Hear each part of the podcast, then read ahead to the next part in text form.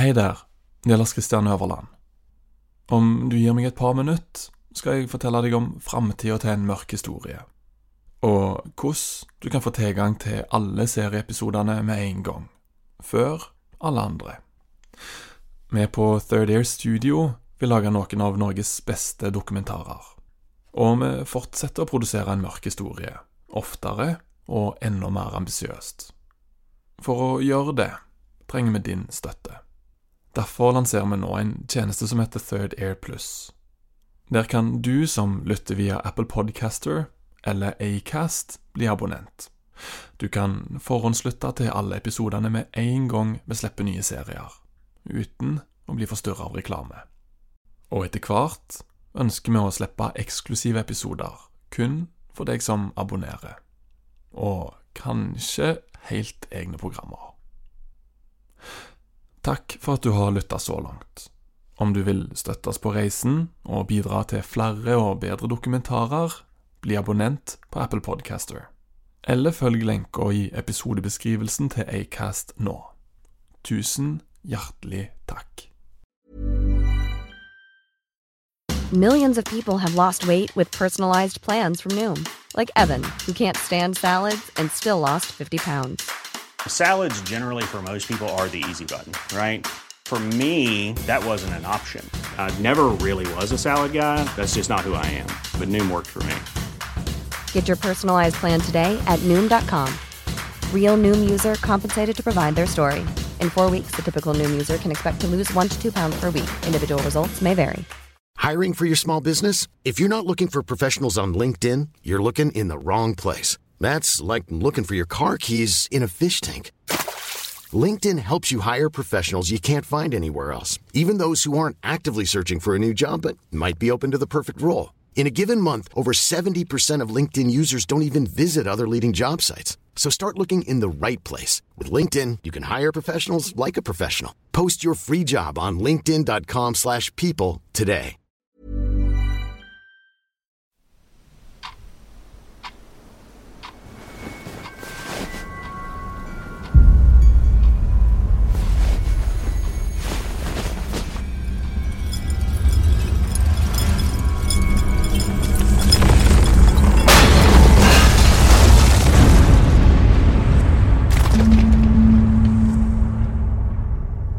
Vi våkna av et veldig risting, og at senga vår hadde flytta seg. Og vi reiste oss opp begge to samtidig og sa og jordskjelv. Det kom liksom fra oss begge. Onsdag 26. mars 2008. Klokka er rundt halv fire på natta når Elsa Peggy Eldøy og mannen hennes Lars Åge våkner. De har nylig vært utenlands og tenker først at det er et jordskjelv. Men så kommer de på at de jo er hjemme. Hjemme i leiligheten si i Fjelltunvegen 31 i Ålesund. Og da så vi en TV som hadde hengt, stått oppå ei hylle. Den var havna i senga, og senga var forskjøvet seg. og så vi bare kom oss ut av. Mannen hennes går ut på badet, der det meste ligger slengt på gulvet. Så går han til bakdøra mot fjellsida. Medan han prøver å finne ut hva som har skjedd, svirrer tankene i hovedet til Elsa Peggy. Kan det være en eksplosjon? Vi visste vi hadde en gasstanke ute i hagen, og hadde gass i huset. Så det var det mest nærliggende. Men ja, han kom inn og sa at vet du, det er verken eksplosjon eller jordskjelv. Dette er fjellet som har rast ut. Etterpå prøver de å rydde opp i rotet på gulvet på badet. Så får de på seg noen klede. Samtidig innser Elsa Peggy at hun må ringe etter hjelp.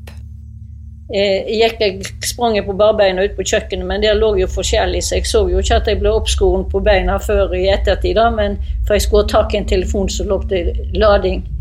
Og så ringte jeg Nødetaten og sa de måtte komme og hjelpe oss og, få oss ut av huset. For det var ramla ned. Og så gikk det slag i slag, da, med det ene etter det andre. Ålesund er sett på som en trygg by.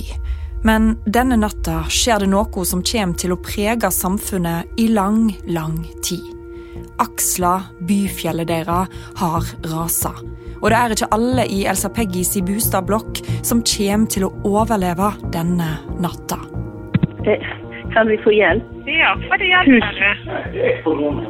Huset vårt ramler ned. Huset ramla ned? Ja, fjellbeina ramla ned på huset i Fjelltunveien 31, og vi innestengt mye folk. og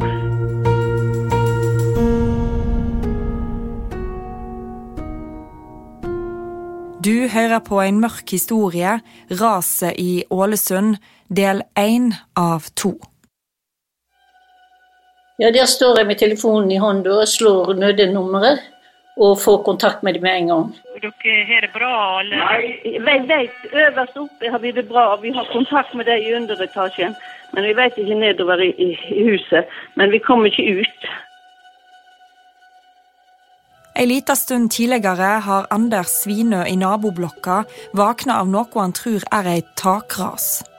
Så eh, bestemte vi av en eller annen grunn da, til å stå opp og så ut verandadøra uten å se noe. og Så gikk jeg da ut på verandaen og kikka nedover gata.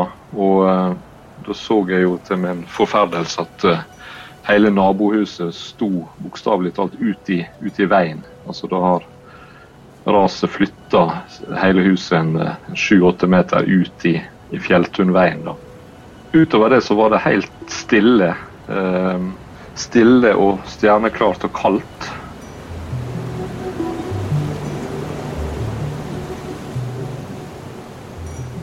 På dette tidspunktet vet verken Anders eller Elsa Peggy at fjellet har rasa og flytta bostadblokka i Fjelltunvegen flere meter ut i veien.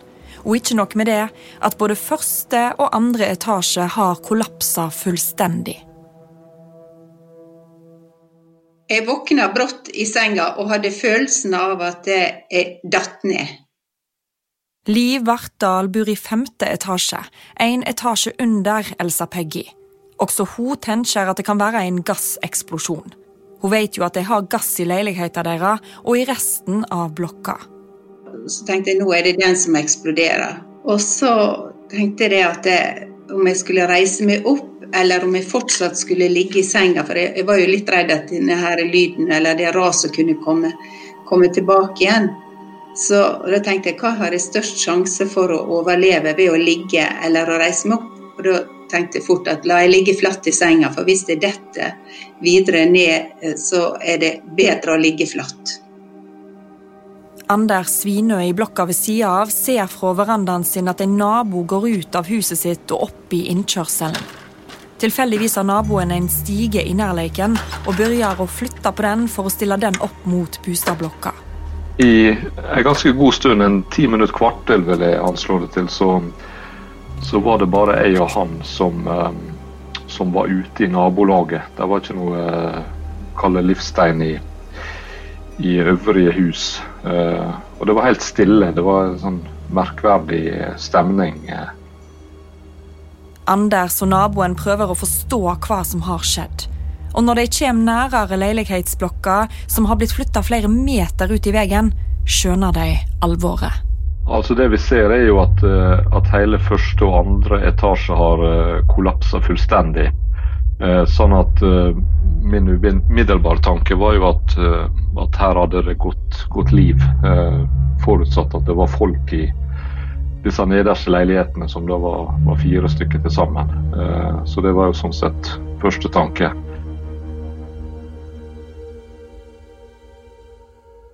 Øverst i bostadblokka, i sjette etasje, står Elsa Peggy Eldøy og prater i telefonen med nødsentralen. Så vi trenger hjelp av brannbilsikkerhet og alt sånt. Ja. Og vi tror det står stødig nå. Vi, ja, Men det er ingen som skader medisinsk? det vet vi ingenting om. Nei. Hvor mange personer dere er? Vi er to oppe i øverste, og så er det ti leiligheter. Et øyeblikk et øyeblikk er ti leiligheter, vi er øverst oppe, og så er det to i leiligheten under. Og jeg vet ikke hvordan det er nedover, for vi har ikke kontakt med hverandre. Når hun prøver å forklare hva som skjer, har personen som sitter på den andre sida av røret, vanskelig for å tro at det er sant. Ja, det virker sånn, for de skjønte ikke. Jeg sa at huset vårt har ramla ned, og, og, vi kommer ikke ut. Og, og da jeg hørte i ettertid at de, ble, de skjønte ikke virkeligheten av det. altså. Det, Et hus kunne ramle ned i Ålesund, det var jo helt eh, Og når de hørte adressa, så var det kanskje enda mer uvirkelig, fordi at det var jo nytt. Etter at Elsa Peggy har avslutta samtalen, vandrer hun rundt i leiligheta si. Ting ligger hulter til bulter. Alt som var på ytterveggen, eh, det var, lå på gulvet.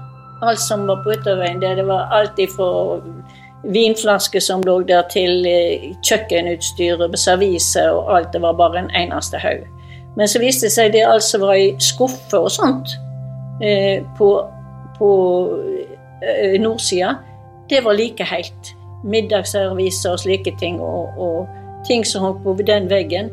Men andre ting igjen lå strødd.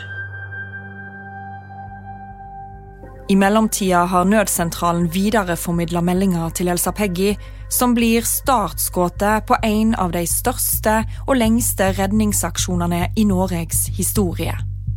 Ja, så Jeg får jo uh, en alarm på min radio uh, litt over halv fire på natta. Uh, jeg våkner jo av alarmen, og første meldinga som går ut, er jo at det er mulig sammenrost boligblokk i Fjelltunveien 31.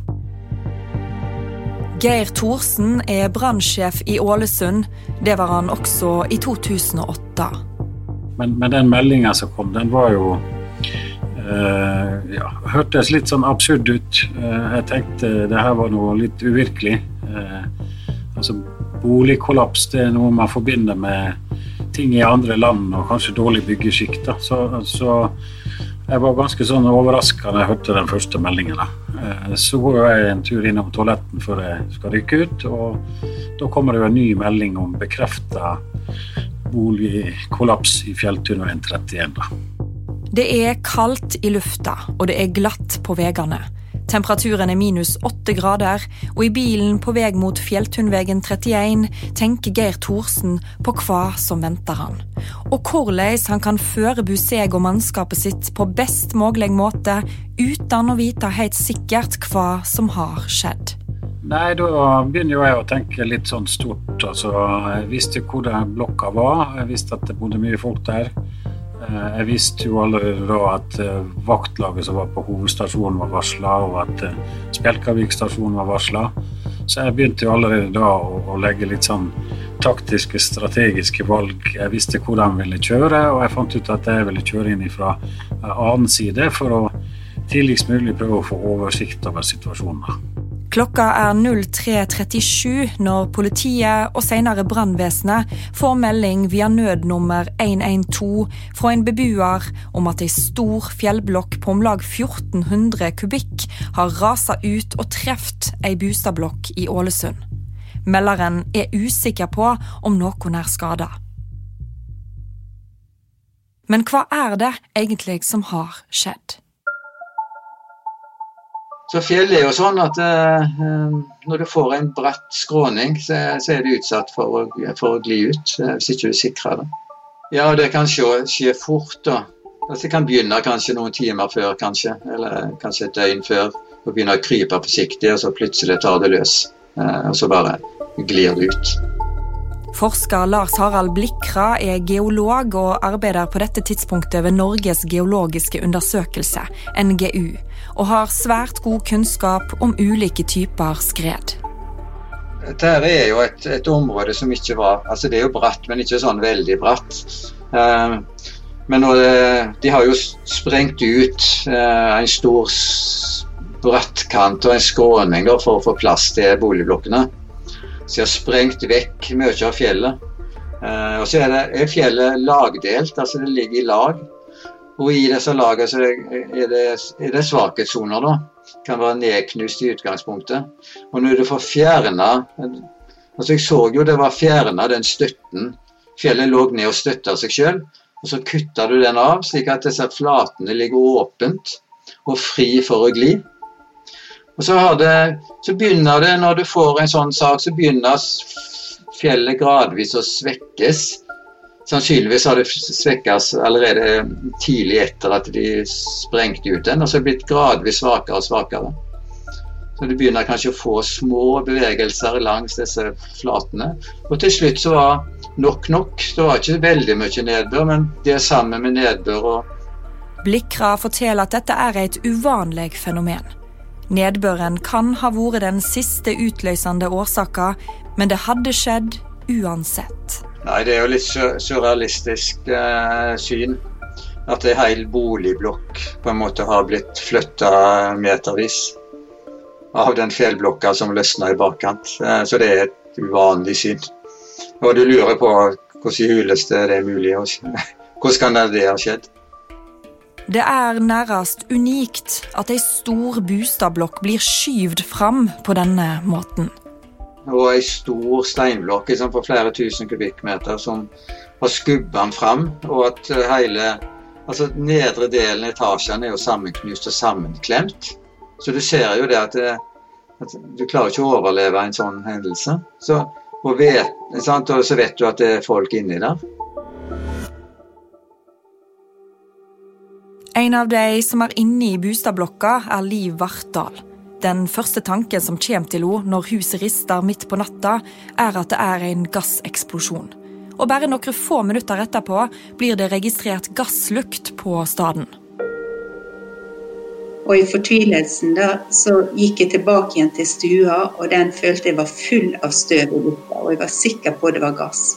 Så jeg sa til mannen min at her må vi bare åpne alle vinduer for å få gjennomlufte.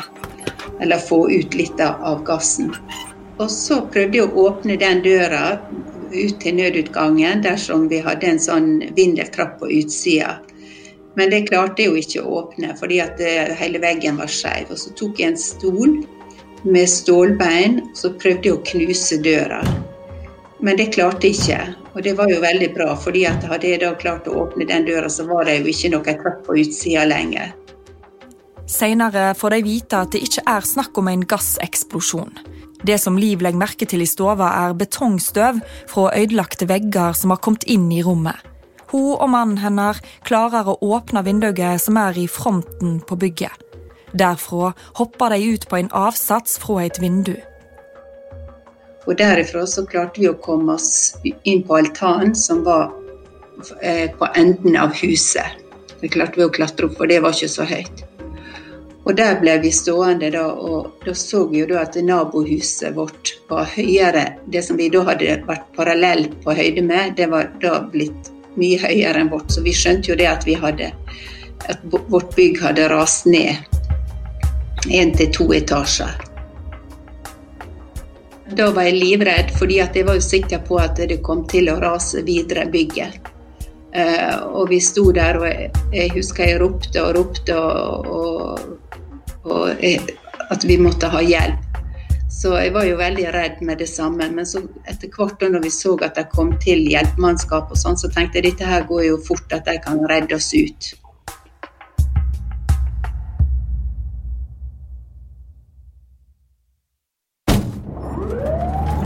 I bilen på vei mot Fjelltunvegen 31 har brannsjef Geir Thorsen prøvd å gå gjennom ulike scenarioer som kan utspille seg de kommende timene. Han vet ikke helt hva han kan vente seg, men han kjenner at situasjonen er alvorlig og at det er omfattende. Når jeg kom fram, så var jo først bilen fra brannvesenet på plass. Det var jo en natt det var ganske Life is full of awesome what ifs, and some not so much, like unexpected medical costs. That's why United Healthcare provides Health Protector Guard fixed indemnity insurance plans to supplement your primary plan and help manage out of pocket costs. Learn more at uh1.com. Many of us have those stubborn pounds that seem impossible to lose, no matter how good we eat or how hard we work out. My solution is PlushCare PlushCare is a leading telehealth provider with doctors who are there for you day and night to partner with you in your weight loss journey. They can prescribe FDA-approved weight loss medications like Wagovi and Zepbound for those who qualify. Plus, they accept most insurance plans. To get started, visit plushcare.com slash weight loss. That's plushcare.com slash weight loss.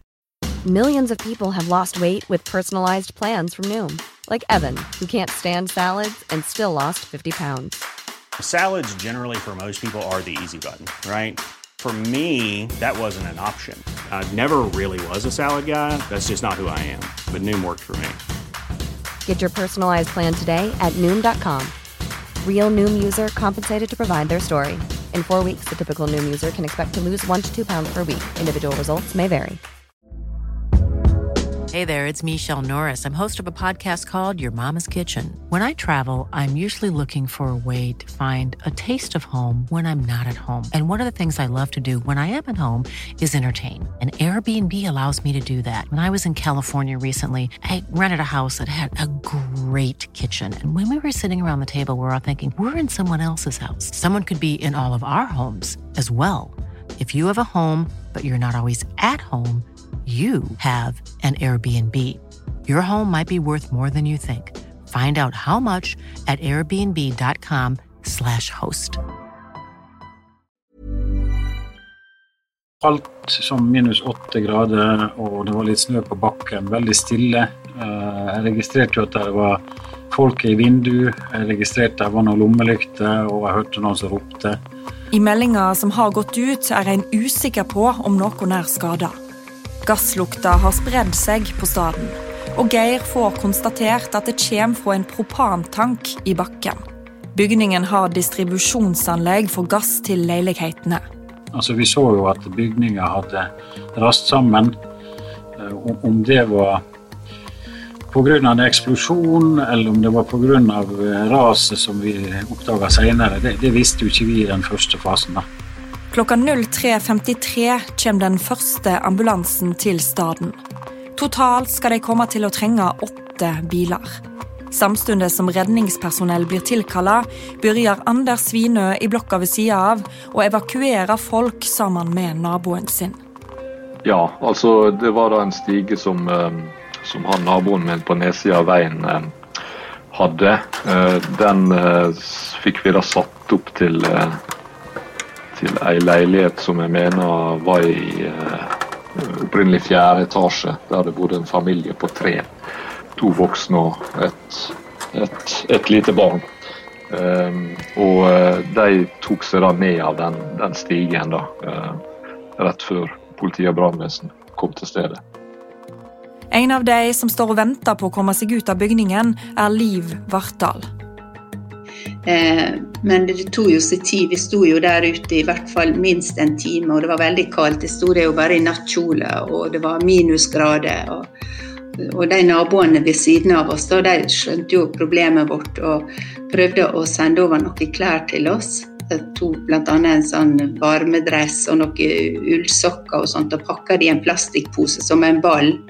Og klarte da å kaste det var kanskje fem-seks meter eller noe sånt bort til nabohuset. Så det var jo virkelig, virkelig god hjelp for oss.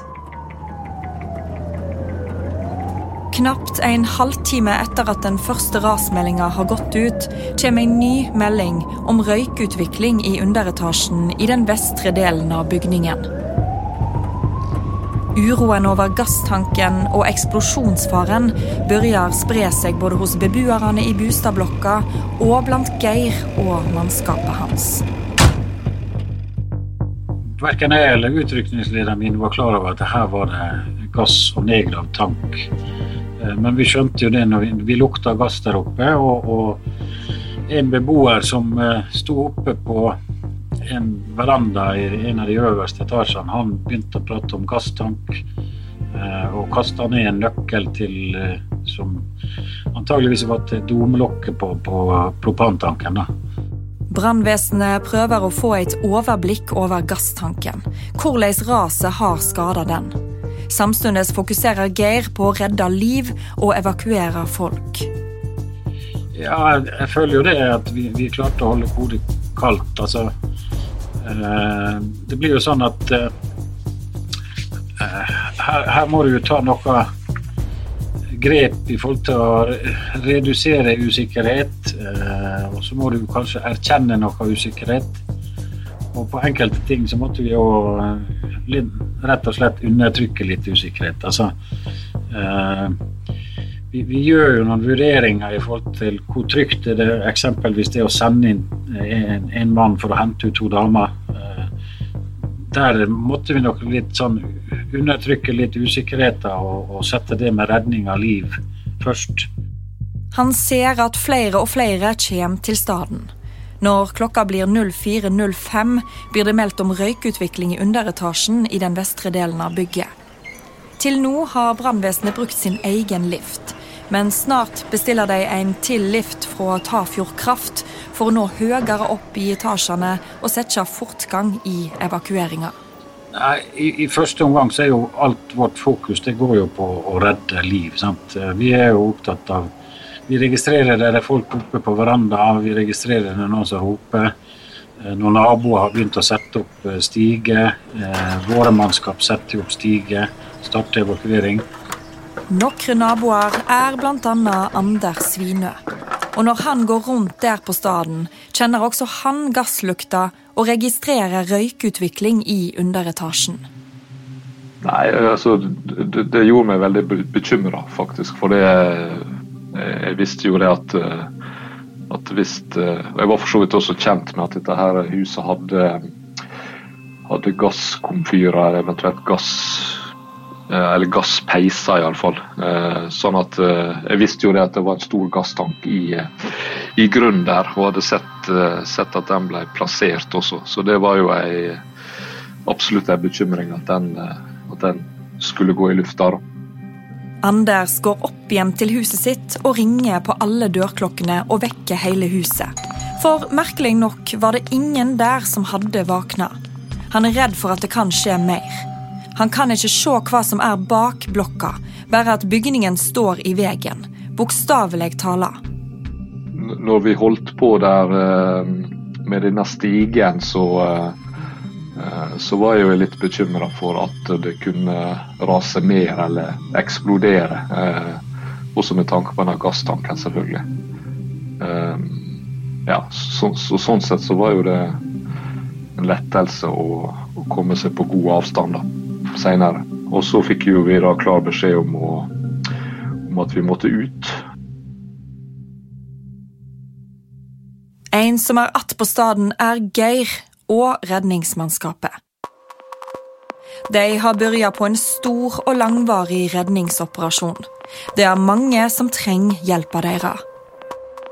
En som uh, har kommet seg ut, og han forteller at kona hans hun er inne i bygget, men hun sitter fast der hun ligger, så kommer ikke hun seg ut med egen hjelp. Vi visste jo ikke om, om bygget var trygt å gå inn i, men, men, vi måtte jo gjøre en sånn enkel eh, risikovurdering der og da. Eh, vi visste jo at det kunne stå om liv. Det er veldig trangt der inne. Taket har kollapsa, og rundt kvinna ligger det masse inventar og møbler. Så hun er helt avhengig av brannvesenet for å kunne ta seg ut. Vi fant ut og fikk greie på han beboeren at hun var fire til fem meter inn i bygget.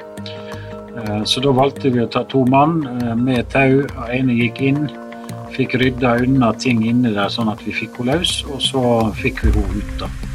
Eh, vi, vi, hadde ikke full god oversikt over situasjonen da, men, men da var det i høysetet for oss at vi måtte prøve å berge liv. da. Og vi innså jo det at det kunne også være en risiko for egne mannskap. da. Drøyt en time etter at den første nødmeldinga har gått ut, begynner brannvesenet også å evakuere nabobygningene. Og oppretter et mottakssenter på et hotell i nærleiken for evakuerte og berørte. Elsa Peggy Eldøy og mannen hennes greier ikke komme seg ut på terrassen. Nei, vi kom ikke noe ut på terrassen. Hun fikk opp et vindu i, i spisestuedelen. Og der, der klatra vi ut da, på en sånn lift som de tok og søkte ned. Jeg tror folk var veldig rolige. Det var ikke noe panikk på noen. Og, og så visste en ikke helt hvor mye som hadde hvordan de hadde opplevd det. For det var jo forskjellig etter hvor, hvor, du bodde i etasjene. Vi bodde jo på toppen, så det var, det var nok mye mer dramatisk for de som bodde under. Det dramatiske for oss var jo å komme oss ut, egentlig. Hun vet at huset har fått seg en støyt, men de er ikke klar over at det har flytta seg sju til åtte meter ut i gata. Det ser hun først når hun kommer ned og ser bygningen og staden der gasstanken ligger nedgravd. Jeg var helt eh, sjokkert når jeg så hvor huset var havna, altså. Det var jo denne lille hageflekken med den tanken og sånn, var jo borte. Det var jo, det var jo flere meter. Så det var kommet ut i gata. Og da, da, kan du tenke deg hvor kraftig dette slaget mot uh, huset var. For det var jo en stor bygning, dette her, og ble skjøvet på fundamentet på den måten. Klokka 04.46 har naboer og redningspersonell redda ut 15 overlevende fra bygningen. Elsa Peggy tror jo at alle er berga, for de er de siste som kommer seg ut. Men snart går det opp for hun og mannen at naboer er savna. Jeg, jeg, kan ikke huske hvordan jeg reagerer. Jeg tror det ble bare en slags Jeg gikk inn i en slags bomullsdotter. Det var, det var jeg visste ikke hva jeg skulle reagere på, fordi at eh, det, det var bare litt som et, et mørke som du gikk inn i. Så jeg kan ikke egentlig huske jeg, hvordan jeg reagerte. Det, det ble bare litt stillhet rundt meg. Liv Vartdal ble redda ut fra etasjen under. Det var et helt forferdelig syn. Du så at de to-tre første etasjene var jo bare smadra. Og det var brannbiler og sykebiler og masse sirener og helsepersonell som gikk der. Og, nei, det var bare helt utrolig. Så vi bare kom og fikk beskjed, bare ble, ble geleida vekk derifra, for de ville ikke ha oss uh, gående der. Når de kommer til sykehuset, får de enda mer informasjon. Her har de iverksatt kriseberedskap. Jeg har jo jobba på sykehus, så jeg visste jo litt hvor det foregikk. Og jeg hadde jo til og med blitt oppringt den natta og innkalt fordi det var katastrofe. For det var en, en bygning i Fjelltunveien som hadde rast ned. Um, da gikk det jo opp for oss at det var jo ikke alle som kom inn der. Så da først gikk det opp for oss at det var flere personer da som hadde omkommet. Og vi var jo litt usikre da kanskje det at de allerede hadde kommet til sykehus og ikke vi var klar over det. Men det viste jo seg da at det var fem, fem stykker som, som omkom.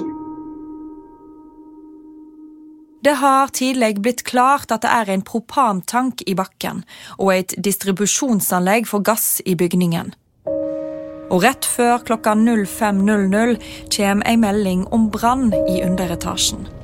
Sløkkinga blir iverksatt, samtidig som Geir holder fram med å leie mannskapet i redningsarbeidet. Det var jo en veldig farlig operasjon.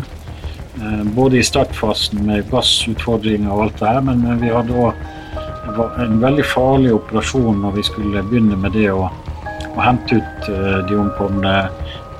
På morgenen kjemper brannvesenet med å få kontroll over flammene som sprer seg i bygningen. De søker etter omkomne og tilkaller ekspertise som de trenger. Geir prøver å tenke stort, langt nok framover. Rett og slett for å skaffe seg oversikt og hjelp i vanskelige avgjørelser de må ta. Ikke minst med gasstanken. Når bygga flytta seg, så, så, var det plutselig en helt annen plass enn eh, det som tegning viste og sånne ting. da.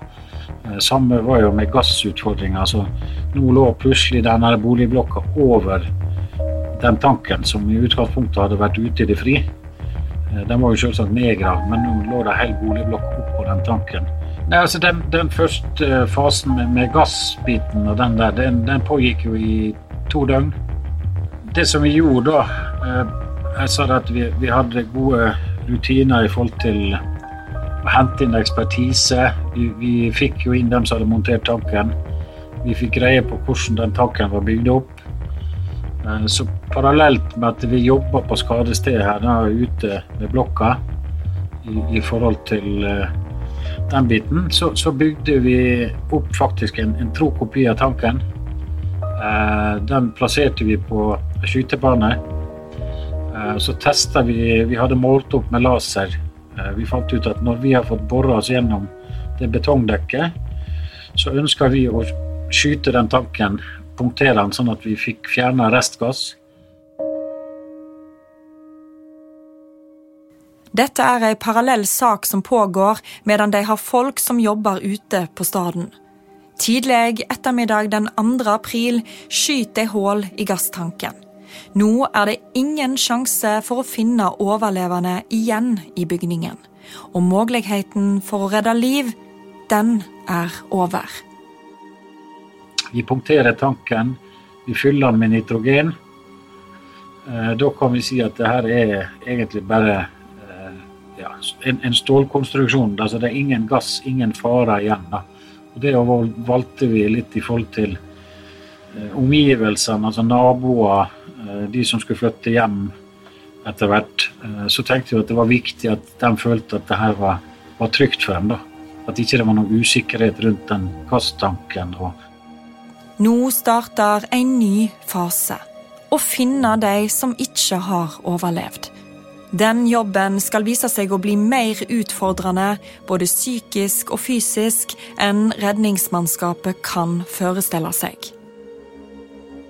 Du har hørt på en mørk historie, 'Raset i Ålesund', del én av to. Produsert av Marte Rommetveit og Stina Semgård ved Munch Studios. Lydlegging Gustav Sondén. Ansvarlige produsenter er Carl Fridsjø og Joel Silberstein Hont ved Just Stories. I neste episode det er altså surrealistisk. for Det er sånn som du ser på internasjonale nyheter fra dårlige byggekonstruksjoner i, eh, i, i andre land.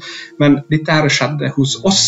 Så, så, så det var veldig uvirkelig å, og Har du opplevd noe som du aldri trodde kunne skje, så, så har du lettere for å se at det kan skje.